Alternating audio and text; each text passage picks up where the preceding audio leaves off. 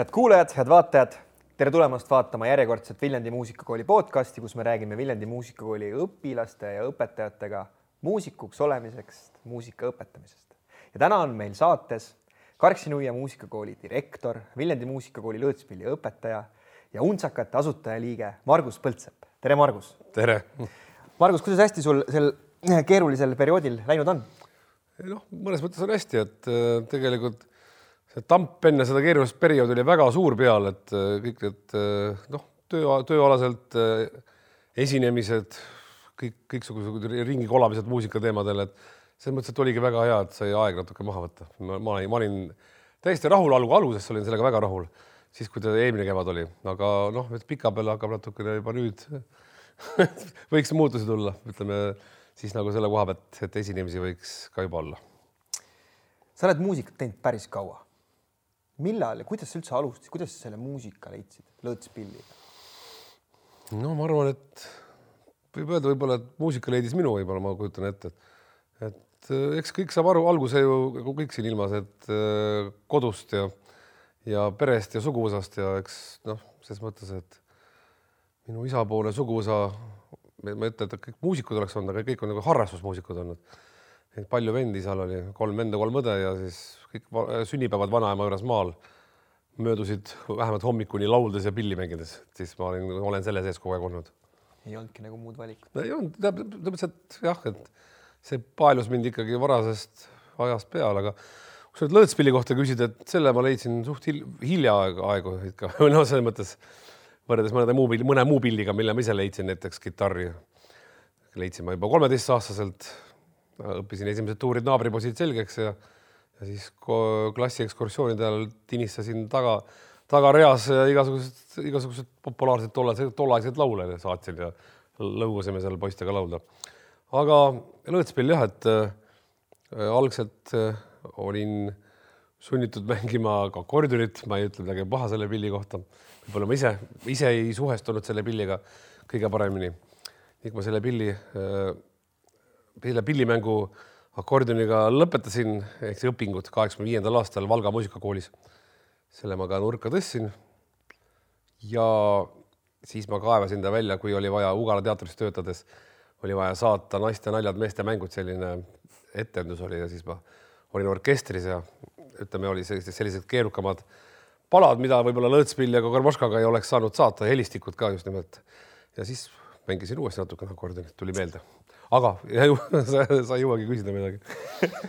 et äh, kõige, rünnak on kõige parem äh, kaitse, nii et ma räägin hästi palju, et sa jõuaks midagi küsida.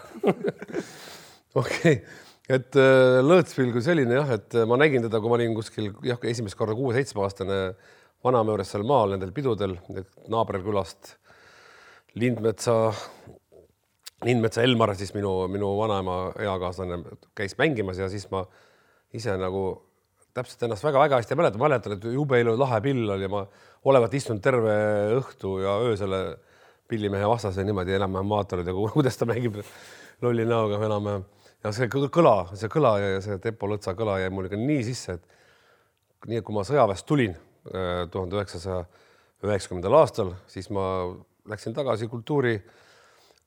jah, siis oli juba kolledžist jah, jah, alustasin kultuurikoolis ja pärast läksin kolledžisse ja nägin seda pilli nurgas ja siis ma võtsin ta sülle, proovisin, siis ma teadsin, nii seda pilli ma nüüd hakkan kindlasti õppima. ja ise õppisin põhimõtteliselt paar tundi näidati ette ka. aga siis ma leidsin selle pilli ja siiamaani on see pill mul siis üks lemmikuid. ja kitarr on jäänud nurka? ei ole, ei ole, ei ole, ei ole, kitarr on kitarr on ikkagi jah, näiteks kui me tegime ansamblit nimega Tuulepuu äh, Karksi-Nuias, et äh, seal ma mängisin ka rütmikitarri näiteks, lõõtsa, lõõtsa mängisin vist, jah, Tepo lõõtsa vist üldse ei mängi, ei, mõnes üksikus loos mängisin ka lõõtsapilli ka. aga nii, et ma olen kitarri ka bändis mänginud ja muidugi pungibände omal ajal on tehtud enne, enne sõjaväge siis. väga kihvt. peale kolledžit läksid siis kohe nuia tagasi või kuidas su see, kuidas su õpetajakarjäär või siis, või see nagu kulgenud on, millal sa üldse õpetama hakkasid? No ma hakkasin õpetama juba tegelikult siis, kui ma olin üli, üliõpilane olin. ehk siis äh, kolledžis hakkasin õpetama ja ma olin vist teisel kursusel juba või, või kolmandal või, ma täpselt ei mäletagi nüüd. ja siis äh, tegelikult ma võin lugeda eh, oma õpilaste sekka päris paljusid lõõtsakurusid omaaegseid, kasvõi näiteks no esimesed tunnid vist sai minu käest ka Tarmo Tartu äh,, Tarmo Noorma, vabandust, Tarmo Noormale. Ja siis on juba, need on paljud, Kadri, Kadri Laupee ja, ja äh, Anu Taul ja niisugused, Aleksander Sünter, kaheksakümmend meie seast lahkunud. ja ütleme, Andrus Lehes. mul on au on nende, au, tõesti au on olnud nende õpetaja, õpetaja olla, sest et õpetaja olla on ka see, et äh, sa ise õpid samal ajal tegelikult noh, vähemalt minu puhul kehtib see küll, et et õpetades sa ise õpid ka ja, ja arened koos õpilastega ses mõttes, et, et sa tahad ju alati kõike paremini ja kõike lahedat ja mõnusasti teha ja siis sa ise õpid ka tänu sellele. mul on alati noh, selles mõttes, et äh, mingi väike enesepiits on taga, siis ma tegutsen vägevalt ja jah, et siis ma hakkasin ju õpetama siis ja vist isegi juba palka hakkasin saama isegi mõnes mõttes, kui ma veel ei olnud veel kooli lõpetanudki selle õpetamise eest. ja siis ma vahepeal õpetasin kaugõppijaid vist ja tegelikult Karksi nuiaga on lood alles hakkavad pihta aastast kaks tuhat seitse, nii et sealt on natuke hilisem asi, kui ma sinna läksin direktoriks tööle, see oli ka täiesti, no kõik minu elus on väga palju ka juhuse, juhuse mäng olnud, et mu enda, enda naine siis nägi seda kuulutust ja ütles, et mis sa vedeled siin kodus, et et no mis, mis vedeled selles mõttes, et eks meil nädala lõpus olid alati mängud untsakatega või kellegagi et aga naine tahtis, et ma nädala sees ka midagi teeksin. ja siis tekkiski niisugune mõte, et aga miks ka mitte, proovime täitsa hull, hull mõte tekkis esialgselt ja eks ma, eks harjumine võttis aega, ma arvan, et kuskil kaks aastat läks aega, enne kui ma üldse hakkasin pihta saama, et miks ma siin olen ja mida ma seal teen. noh, aga tasus. tasus ära, ometigi, kui ma praegu vaatan sinna nuia poole, siis noh, ei saa jätta üldse mainimata, et ikkagi see viis, kuidas sa oled noortele pärimusmuusikat süstinud, see on ikkagi väga märkimisväärne. et eh, ansambel Lõõtsavägilased, väiksed poisid koos sinuga alustasid ju aastaid tagasi, üle viie aasta tagasi. poisid olid ju just värskelt kaheteist, isegi nooremad, Tobias oli sul ju alla kümne vist isegi. kuskil sealkandis oli jah, et põhimõtteliselt hällis veel. hällis. Nojah, aga ei, minu arust meil sai, kui ma õieti mäletan, kas mitte seitse aastat ei saanud täis või isegi või kaheksa. Aga kuidas sa nendele meestele maha müüsid selle mõtte või noortele poistele, et kuulge, ma saan aru, et võib-olla enamus teie ealisi kuulavad Padarit on ju Terminaatorite kontsertidel, et nii, nüüd võtate karmoškad kätte, eks ole, on ju, ja me hakkame mängima rahvamuusikat. Hmm.. no tegelikult vist äh, asi sai alguse, et äh, hakkasid ükshaaval seal mul klassi, klassi tulema ja äh, seda ütleme, vaikselt ütlema, et ma tahaks nagu seda pilli proovida ja mängida ja Andres Eelmaa, tema tuli siis Kandlast üle põhimõtteliselt ja ta hakkas, hakkaski õppima seda karmoškat. ja siis teised poisid tulid ka ja siis ma hakkasin neile, noh, neile andma individuaaltunde. ja ükskord vist mingi jõulupaik, jah, vist jõulupaiku tekkis niisugune mõte, et aga kuule, aga kokku panna, siis nad oleks täpselt nagu väikeste lõõtspillide ühing aastal tuhat üheksasada üheksa, üheksakümmend näiteks mm. -hmm. et no algselt mängisid kella kolme lõõtsaga ainult ju lõõtspilliühingu poisid ja mõtlesin, et no nii, aga paneks nad kõik ühte lugu mängima, siis paningi ja tead, see kõlaski nii lahedasti, täpselt nagu see väikeste lõõtspillide ühing oma al algpäevil. ja oligi, oligi põhimõtteliselt sõõrem antud, et, et siis me esinesimegi, esinesimegi ühe prantsuse jõululooga, esinesime sellel muusika, muusikakooli aastalõpu jõulukontserdil. ja sealt see asi pihta läkski ja algusest tegelikult noh, pool aastat me mängisime ainult instrumentaallugusid kuskil, äh, ma mäletan esimesel folgil poisid siis äh, igatahes nad äh, kolmekesi äh, minust sinna maha jäid ja raha raha, rahakübar ette panid nii-öelda. ja nad said müstilise summa vist kokku, see, need on, nad oskasid seitset lugu. Ja nad selle poole aastaga, mis nad olid siis äh, koos õppinud ja ma, ma vist pakun välja mingi kolm-nelisada euri, euri kogusid kokku selle ühe õhtuga. nii et ütleme, ka see on motivatsioon noorele väga kõva motivatsioon ja sealt noh, ütleme siis nii, et äh, läks veel paar kuud aega ja sügisel siis see meie Tobias siis, kuidas sa ütlesid, pesamuna siis enam-vähem äh, häll, hällistunud meile muusikakooli. tema siis äh, tuli ühe laululehekesega, sihuke A4 ja ütles, tuli, pani mulle laua peale selle, et me võiksime laulda ka. ma ütlesin, ohoo, no näita, mis laul see on, siis mõtlesin mingi ilus lastelaul kindlasti. vaatasin ette ja siis, kui ma seda pealkirja peal nägin, siis mul niimoodi põhimõtteliselt kulmud sõitsid kuklasse. ja siis loo nimeks oli, et kui mina ükskord noores eas võt, võtsin vana naise, onju. selline lugu. noh, midagi, õppisime selle loo ära ja kohe oli uus hitt Karksi-Nuias äh, sündinud, mida bussijaamade, bussijaama taga lauldi ja sellega vist käisime kuskil jõulutunnelis, jõulutunnelis ka ETV-s ja siis läks küll kuulutunele, kuulutunela see asi lahti. ülikihvt, lihtsalt see on nii nagu imestama panev, et need noored mehed mängivad nii vana muusikat, võime küll öelda, et eh, nad on käinud ja öelnud eh, nagu ka intervjuudes erinevates rääkinud, et nad kuulavad küll teist muusikat, aga see ongi nende jaoks nagu vaheldus, et kui nad, et kui te kokku tulete, mängite nagu rahvamuusikat, aga kas selle seitsme aasta jooksul on olnud selliseid hetki, kus mõned poisid nagu on mõelnud, et eh, aitab sellest, et keegi küsis selle küsimuse, et te olete noored, aga te mängite muusikat, mis on nagu vanadele, et noh, eks jah, tegelikult see on kogukonna värk, kui neil on oma kogukond, siis ja. nad koolitavad ka oma nagu eh, oma eakaaslaseid, et kuidas, kas on olnud selliseid raskeid eh, hetki? ei ole, võin kohe täiesti öelda, et ei ole, et no ütleme jah, loll, loll sõnas, aga see eh, folgi skeene on ikka nii tugev juba tänapäeval, et ja see ütleme, oma kuulajaskond on olemas täiesti no ja oma, oma festival isegi on olemas. et eh, kui see, need asjad on olemas, ma just täna mõtisklesin natukene, et kui et ütleme, mingil muusikastiilil on oma festival, siis äh, peaks seal olema kõlapinda küll ja küll. ja folgil on kõlapinda ja ma ütlen ka noorte seas, et äh, ja okei okay,, mis noorte seas, tegelikult ma ütleksin, et meie kõige andunum publik on Lõtsaväe-keelest on olnud ikkagi nelikümmend pluss naisterahvad. noh. emad. emad, vot nii-öelda, vot kes võib-olla mõtlevad, et oo, näed, ilusti poisid mängivad, aga minu poiss võiks ka ju mängida. tegelikult sellised on, on, on, et see on meie kõige andunum publik alati olnud aga kas see on ka mõjutanud näiteks Karksi-Nuia muusikakooli sisseastujaid? Ohohoo, seda ma ei oska öelda, et tegelikult on mõnes mõttes küll, et kui mõni aasta, kui näiteks Girly Strings oli hästi populaarne, no ma ei ette, et siiamaani ei oleks, onju. aga näiteks ütleme, see Kauges külas ja kus viiuliga mängiti mm., siis tuli hästi, tuli tõesti palju viiuldajaid.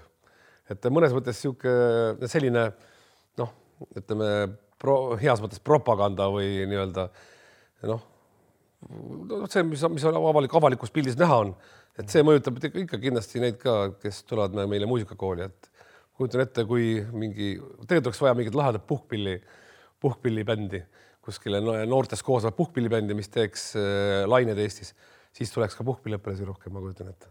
kindlasti. jah, aga tegelikult ma tahan ikkagi öelda, et meil asi läks Karksi-Nuias lahti alguse ikkagi ansamblis Tuulepuu mm., mis me siis ka põhimõtteliselt kaks tuhat seitse aastal, kui ma sinna läksingi, siis me tegimegi alguses selle äh, nii-öelda folgibändi ja noh, me andsime kaks plaati välja ja tegelikult käisime ka kõik festi, festivalid läbi, et see mulle endale väga-väga südamelähedane bänd olnud, sest ma tegin seda natuke, noh, ta oli nagu ikka roki, lõpuks oli puhas ikka etno folk rock bänd. isegi Jan Vil, äh, Villeberg on seal meil ju. ja muusikakooli õpetaja. ja õpetaja meie siin, meie õpetaja siin koolis äh, Viljandis siis on mänginud meil seal väga edukat äh, soolokitarri. Nad no, on muidugi mujalgi mänginud, kes mäletavad veel Vägilasi ja et, et ühesõnaga see Tuulepuu on mul ka siiamaani väga armas ja väga-väga hingelähedane bänd olnud. ja noh, Linnutee oli pärast seda veel ja me oleme iga, iga bändiga oleme plaadini vähemalt jõudnud, nii et me oleme vist Nuias seal vähemalt mingi seitse-kaheksa plaati või rohkem, issand juba Lõõtsaväe, Lõõtsaväeglas oleme neli plaati välja andnud no kümme, kümmekond plaati välja andnud ikkagi. kas võib öelda siis, et Tuulepuu võis olla nagu natuke ka ajendiks Lõõtsa vägilaste sünnile, et poisid vaatasid, jõle kihvt on ju, õpetajad panevad, teevad nii ägedat muusikat, eks ole, et me tahaks ka õppida seda pilli. see võib ju olla ka seotud samamoodi. natukene kindlasti, ma arvan, kuigi põhimõtteliselt ma arvan, nende poiste kõige suurem eeskuju vast oli Untsakad ja ja ka võib-olla Päikeste Lõõtspalli ühing siis. oled sa neid võtnud äh, kontsertidele palju kaasa ka? ja alguses oli küll niimoodi, et kui Nad ikka, ma tean, et isegi näiteks untsakatest mandoliini, mandoliini meie õpetaja võttis oma õpilasi kaasa, näiteks Villu Talsi ja on meil kontserdidel käinud. Ja ükskord isegi ta õpetaja, õpetaja ise ei saanud, pidi kuskil olema ära, siis Villu Talsi, ta vist oli õpilane tol ikka veel või, või ta juba enam enam ei olnud õpilane. igatahes ta oli meile nii-öelda nagu muusikute, muusikute keeles kehaks laval ühel, ühel kontserdil, nii et ja minu, minu õpilased käisid nagu siis äh, ka nagu minuga kaasas kontsertidel, et see on nagu see noh, mentoriks olemine mõnes mõttes. ja nagu vanasti oli see, ütleme õpilase ja õpipoisi või siis sel, sel, nagu sellina käisid ka nagu hakkasid oma õpetajaga kõrval töötama mm. -hmm. ja tegelikult see on hästi-hästi oluline, kui sa noh, ütleme, pakud ja esined koos oma õpilasega. see on väga suur eeskuju ja väga ja ma arvan, et üks koos esinemine koos oma õpilasega on õpilasele, ma ise olen alati mõelnud umbes kuut tavalist erialatundi, erialatundi väärt. see on kõva kogemus kindla peale. kui sa mõtled praegu oma õpilaste peale, kas on, on kui palju ja kas on olnud neid ka, kellel nagu huvi on kardinaalselt kadunud, et see rahvamuusika neid absoluutselt ei huvita, folk ehk see skeene ei huvita, et nad lähevadki minema selle pilli pealt või pigem on neid nagu vähe ja kuidas sa nagu sellele tagasi vaatad oma karjääri, õpetaja karjääri? no mul on Vaatavast. niimoodi vast, et õnneks on vedanud see, et ma vähemalt Karksi-Nuias ma olen saanud valida, keda ma, keda ma õpetan nii-öelda, et ei ole pidanud tegelema selle nii-öelda võib-olla selle rea, reatööga, mida muusika, muusikaõpetaja peaks nagu tava, tavalises olukorras tegema, tegema. et äh, ma olen ikkagi võtnud nii-öelda oma selliks või õp, õpipoisiks need, kellel on ikka väga suur äh, tahtmine seda pilli õppida. sest et noh, esiteks mul ei ole väga palju, noh, ütleme aega ei ole, aga ajas alati, alati küsimus olnud. Et noh, nende esinemiste kõrval ja ansamblite, ansamblite tegemiste kõrval. et äh, selles mõttes ma olen saanud valida, keda ma võtan õpilaseks mm -hmm. ja siis need on ikka, need on ikka truuid olnud ikka alati lõpuni et aga noh, siin koolis, meie Viljandi koolis ma olen alles ju teist aastat, nii et mm -hmm. siin on mul vedanud, et kõik õpilased on äh, olnud, sattunud toredad, ka samamoodi, kes on, kes ikka tahavad ise õppida, nii et selles mõttes ma olen väga õnnelik, et, et siin meie siin Viljandi koolis on mul nagu siis vedanud selle koha pealt kuidas sel viimasel aastal, kus kontakttunde võib-olla nii palju ei ole võimalik teha, vahepeal oli, jälle nüüd ei ole, loodame, et varsti jälle saab enne suve et kuidas on see mõjutanud nüüd öelda sinu ka õpetamisi, et kuidas õpilased vaatavad sellele, kuidas teil see õpe toimub? no selles mõttes, et äh, ikka mõjutanud on see, et vähemalt on no ütleme, et oleme suutnud hoida seda taset, mis on äh, nagu enne, enne seda, enne kontakttund, ütleme siis, mis on olnud enne seda äh, siis sulgemist. et äh, minu õpp, õpi, õpetamisstiili äh, kõige tähtsam osa on koosmäng.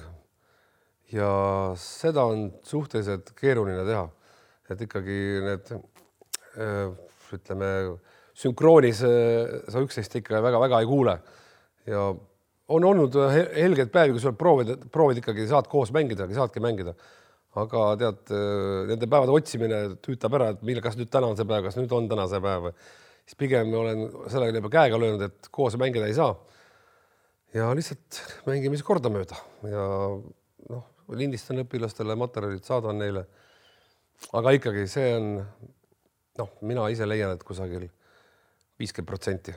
See minu jaoks on jah, ma mõtlen, see on puhtalt, ma arvan, võib-olla minu, minu enda noh, probleem on võib-olla palju öelda, aga minu, minu enda nagu mure on see, et jah, et minu õpetamisstiili, me õpime kõike mittenoodist mm. -hmm. kõik minu, kõik, kogu minu õpe koosneb mittenoodist mitte, et ma nüüd jube uhke selle üle olen, aga alati räägin õpilastele ka, et, et ikkagi äh, noodi, noodioskus on teine kirjaoskus ja nad peaks ikka nooti oskama ja lugeda ja selleks ka solfis käima, väike propaganda solfile.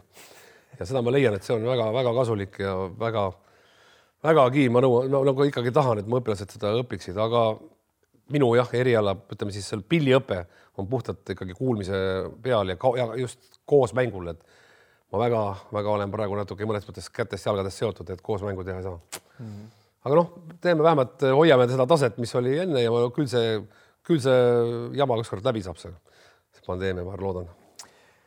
saab kindlasti tuleb see aeg tagasi ja tuleb see folk saame jälle neli päeva pidutseda ja, ja, ja neid, ma mäletan ühte päeva, kus meil oli teil Lõõtsavägilastega kontsert äh, Kultuurimaja hoovis ja siis sa tulid ka kuskilt Saaremaalt otse ööse kontserdilt, et siis. Kihnust isegi. Kihnust isegi jäeti ilgelt, et see suveperioodid olid, et tulevad tagasi mm -hmm. kindlasti üks hetk e pärimusmuusika on niisugune jälle hea mõiste, ei taha väga pikalt e, selle termini peal nii-öelda pidurdada, aga kui sa praegu mõtled e, mi, mis, see näevad päris kaugesse aega, see muusika, mida sa oma lastele nagu õpetad, kas sul nagu ajas ka nagu sa seda aega nagu tood nagu siiapoole ka onju, et ma ei tea, et ühel hetkel võiks Girly Stringsist saada see rahvamuusika, mida sa kuulmise järgi seda kauges külasuu näiteks õpetad. Ja kuidas sa nagu vaatad, see on päris keeruline, sest et noh, see lugu peab ju nagu peale hakkama, et kui seesama lugu, mis Lõõtsavägilas lõppis, et kui mina ükskord noores eas võtsin vana naise, tegelikult see on ju, see sõnum on juba nii nagu kihvt, et tahaks kuulata, mis see tähendab, onju, ja noored mehed laulavad ja neljakümneaastased naised kuulavad, ootavad, onju. et, et kuidas see, kuidas see repertuaari, repertuaari valik sul nagu tuleb? no ütleme ikkagi, ma arvan, et üks kaheksakümmend protsenti on ikkagi kõik äh, siin, mis, mis ma teen, on pärit minu noorusajast ja ütleme sellest tudengipõlvest, kui ütleme, siis on ikkagi oli nii-öelda külviaeg ja, ja korjamise, mõnes mõttes ka noh, kogumise aeg, et kõik nagu mälule tallele pandud. et ma olen väga palju jah, käinud nagu kogumas seda folki üle terve, üle terve Lõuna-Eesti ehk Võrumaas ikkagi pigem. Ja iga siit-sealtpoolt lindistanud kogu aeg ja ütleme, käinud kõrvad lahti ja seda informatsiooni nagu talletanud.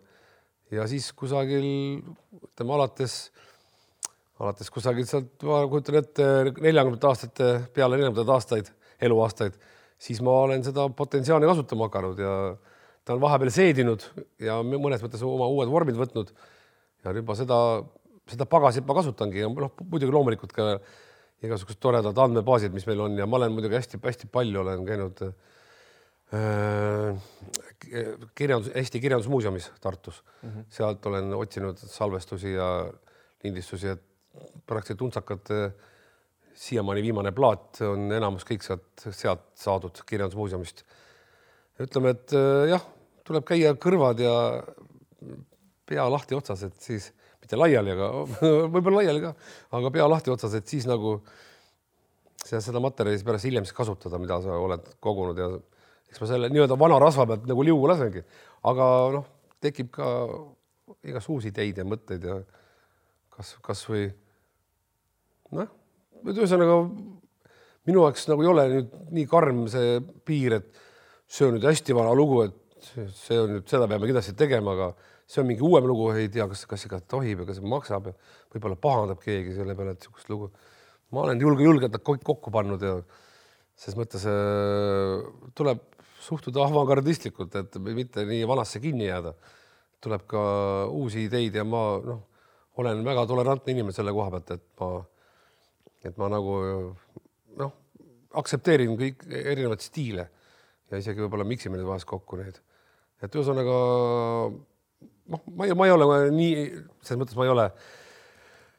jah, ma, ma ei, ma ei oska, ei oska öelda, kes ma ei ole, aga ja, ja, ja ühesõnaga, et ma seda kõike seda, jooksis mõte kokku muidugi, aga ühesõnaga ma loodan, et sa saite aru, mis ma tahtsin öelda. Ja... et ma aktsepteerin ka väga palju uusi võimalusi ja neid uusi stiile just, just, et nagu sa ütlesid ka, et tegelikult käi-, viimane plaat on ju tegelikult arhiivist, et käisid alles nüüd Äh, tuhnima, et sa said ju täitsa palju materjali, et on veel palju sellist muusikat sellest ajastust, äh, mida on veel võimalik avastada ja kindlasti, kui sa käid saartel ja igal pool esinemas, siis on ka neid hetki, kus keegi laulab mingit lugu võib-olla, mida ei ole veel kuulnud. tänapäeval on väga tänuväärne see, et on ju telefonaate olemas, et tol ajal ju noh, pidi spetsiaalselt võtma diktofoni kuskilt ja noh, ma ikka hoidsin autos seda ikkagi, aga ütleme, kui sa läksid kellegi juurde, et siis läksidki kohe kellegi juurde, diktofon kaasas, aga tänapäeval piisab sellest, kui sul telefon taskus, et keegi kuskil peol tuleb juurde, kuule, mul on niisugune vanaema üks jõle kihvt laul, et davai, lähme otsime vaikse nurgakese ja noh, laula.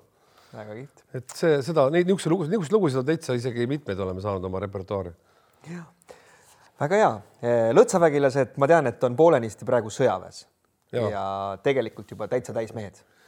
kas eh, on sul, on sul nüüd järgmine koosseis, uued lõtsavägilased äkki? jah, et vot, vot siin võib rääkida küll sellest, et äh, otsesed nii-öelda fännid on tulnud, nende, nende fännid on tulnud siis minu juurde ja samamoodi, tahavad õppida äh, karmoškat või siis lõõtspilli, et uh, uus põlvkond meil seal jah, nuias täitsa olemas. nimeks on siis lõõtsanoobid, nad ise panid nimeks. ja siis ma mäletan, üks esinemine oli üks vähestest, mis sügisel oli üldse selle koroona ajal nii-öelda oli ka üks, ta oli laste kaitsetöötajate suvepäevad olid äh, meil seal Kopra talus. ja siis meid äh, hõigati välja ansambel Lõõtsa nööbid no see kõlab ka päris hästi muidugi iseenesest nagu väiksed nööbid. aga nemad jah, on konkreetselt ikkagi vähemalt nende nii-öelda siis eesmängija Andro on kindlasti väga mõjutatud lõtsavägilaste tegemistest ja ta on kõik, kõik lood on tal enam-vähem selged ja peas, mida, mida lõtsavägilased on esitanud.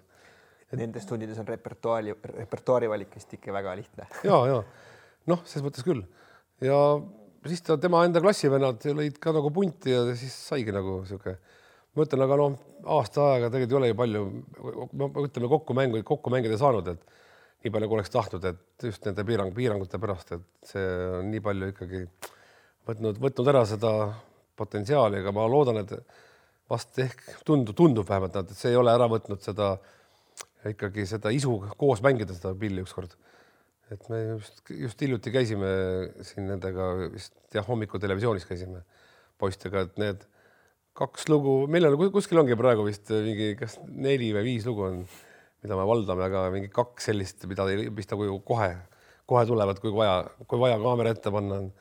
et siis need on ikka olemas, aga väga loodame ikkagi jah, et see asi ükskord siin jamada lõpeb ja et saab korralikult koos pilli mängida ja esineda, vot esinemise on ka noortele vaja väljundit, väljundit kuidas see televisioonis esinemine noortele lõõtsanööpidele, noopidele üldse mõjus?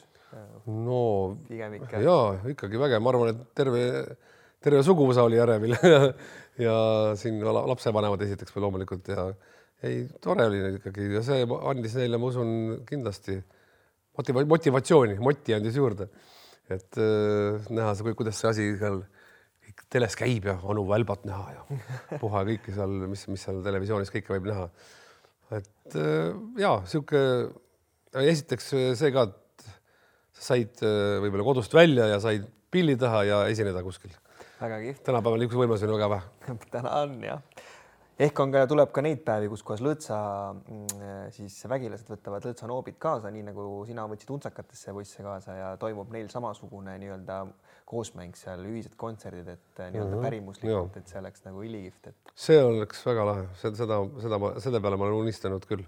et see oleks, see ongi nüüd ütleme siis sinu missioon, et mis võiks nagu juhtuda, et sihuke, et see, mida sa nagu siin suunad, et see on väga kihvt, et kui ma vaatasin teie Karksi Nuia muusikakooli Eh, seda videot eh, te tegite virtuaalse sündmuse siin. me tegime jah, aasta, meil on nelikümmend viis tiksus ära eelmine sügis. just, siis ma vaatasin ka, et siuksed kõik on pärimusmuusikud teil seal, et õpetate te seal muud ka või? ja, aga meil nagu pärimusmuusikat kui sellist nagu ei õpetatagi, nii et. No, aga vot kõik oleneb vist sellest, et jah, kõik taandub isikute, ütleme siis õpetajate peale võib-olla ja üksik, üksikisikute isegi mõnes mõnikord aga meil on see, et meil on äh, üks asi, millest pole rääkinud veel, on meil on Mulgimaa noorteorkester mm. -hmm. on meil seal, seal ja siis Mulgimaa noorteorkestris ütleme, põhi ongi Karksi-Nõia muusikakooli omad ja siis äh, üks äh, tore, tore muusik, muusikute pere Abjast, Abjapalujast, perekond Kased, et nemad, nende, nende tüdrukud, neid on hästi palju mm -hmm. ja poisid ka, poiss ka aga täpsemalt ja siis pluss veel siis igalt poolt ütleme ka kogukonna inimesi, et ütleme nagu ideaalis on see ka, et mängivad ka vilistlased kaasa, mängivadki kusjuures. ja siis juba tuleb inimesi Viljandist, kes tahavad ja isegi Valgast ja ja ja ütleme, pille on, mis me koos mängivad, on kanneldes, kanneldes kuni bariton saksini, nii et pluss sinna vahele kõik rahvapillid äh,, äh, kortsud ja akordionid ja lõõtsad ja viiulid ja flöödid ja aga meil on nii, et jah, igal, iga, nagu pillirühmal on oma, on õpetajast nagu mentor, kes nagu siis natukene juhib ja siis. ja kõik käib kuulmise järgi? ja ei, vot seal on noodid ka, aga ei jah seal käib asi noodist, aga mina õpetan ikkagi oma, oma poistele partii selgeks neist kuulmise järgi. aga see on kihvt orkester, aga jälle jällegi nii, nii vähe. tuleb, seda aeg tuleb. ma loodan ka, et tuleb. see õige pea mm. -hmm. aga millal ja miks üldse peaks tulema õppima lõõtsa või pärimusmuusikat praegusel ajal, kui tegelikult ju Eesti muusikaauhindadel ju riisus koore, koore Nublu ja räpp, mõmina räpp on ju, et eh, miks peaks noort üldse kõnetama täna pärimusmuusikat, ta tuleks või, või öelda sellele emale mm, -hmm. kes täna mõtleb, eh, mis muusikat ta eh, noor, noor laps, poeg, tütar peaks mängima minema. miks pärimusmuusika? Oh,? hea küsimus, et äh, ma usun jällegi, et äh, ühest küljest see pärimusmuusika on orbiidis olnud ikkagi, ongi enam-vähem sellest ajast, kui ma seda õppima läksin. sellest ajast saadik vähemalt, mõtlen just, äh, mida on õpetatud Viljandi Kultuurikolledžis ehk siis kusagil üheksakümnendast, tuhat üheksasada üheksakümnendast aastast, et kui meil tek-, tuli ka Anneli Kont, kes tol ajal oli Sibeliuse akadeemias, oli, oli ise õpilane veel ja siis tema lõi nagu selle, tõi uued tuuled üldsegi Eesti, Eesti pärimusmuusikasse. ja siis sinnamaani oli meil asi käis kapelli, kapelli põhimõttel. et äh, tema tõi nagu sellest uud, uudset tuult sealt Soomest ja ikkagi niisugust noh, täpselt see lahe, mis on pärimus ja mis on ja võib-olla teise, teisest küljest mina, mina nagu ise isiklikult mind mõjutas nagu väikeste lõõtspillide ühing, et see Mar Marko Patvere seal ees laulis neid just vahvaid meremeeste niisuguseid vägevaid laule, siiamaani olid nagu, arvan, võib-olla tõesti kapellindusega nii-öelda kapellindus kui selline, ma ei ütle midagi paha selle kohta, aga nagu mõnes mõttes tol ajal kõlas nagu kapell, nagu noh, mis asi, mis asi see kapell on, et et nagu sõimusõna nagu mõnes mõttes. et need uued tuuled mis, millest saime meie puudutatud, meie põlvkond siin kõik, kes, kes me olime, Ando Kiviberg ja mina mm. ju. Et kõik see lõi nagu täiesti selle maailmas segamini heas mõttes, et ja sealt alates on äh, nagu see asi liikunud ikkagi ülesmäge. ja sealt, sellest on olnud möödas juba siis kui palju? kolmkümmend aastat on ju, on need needsamad, äh, kes tollal olid väiksed, ütleme siis äh, kümneaastased on juba nüüd isad-emad mm -hmm.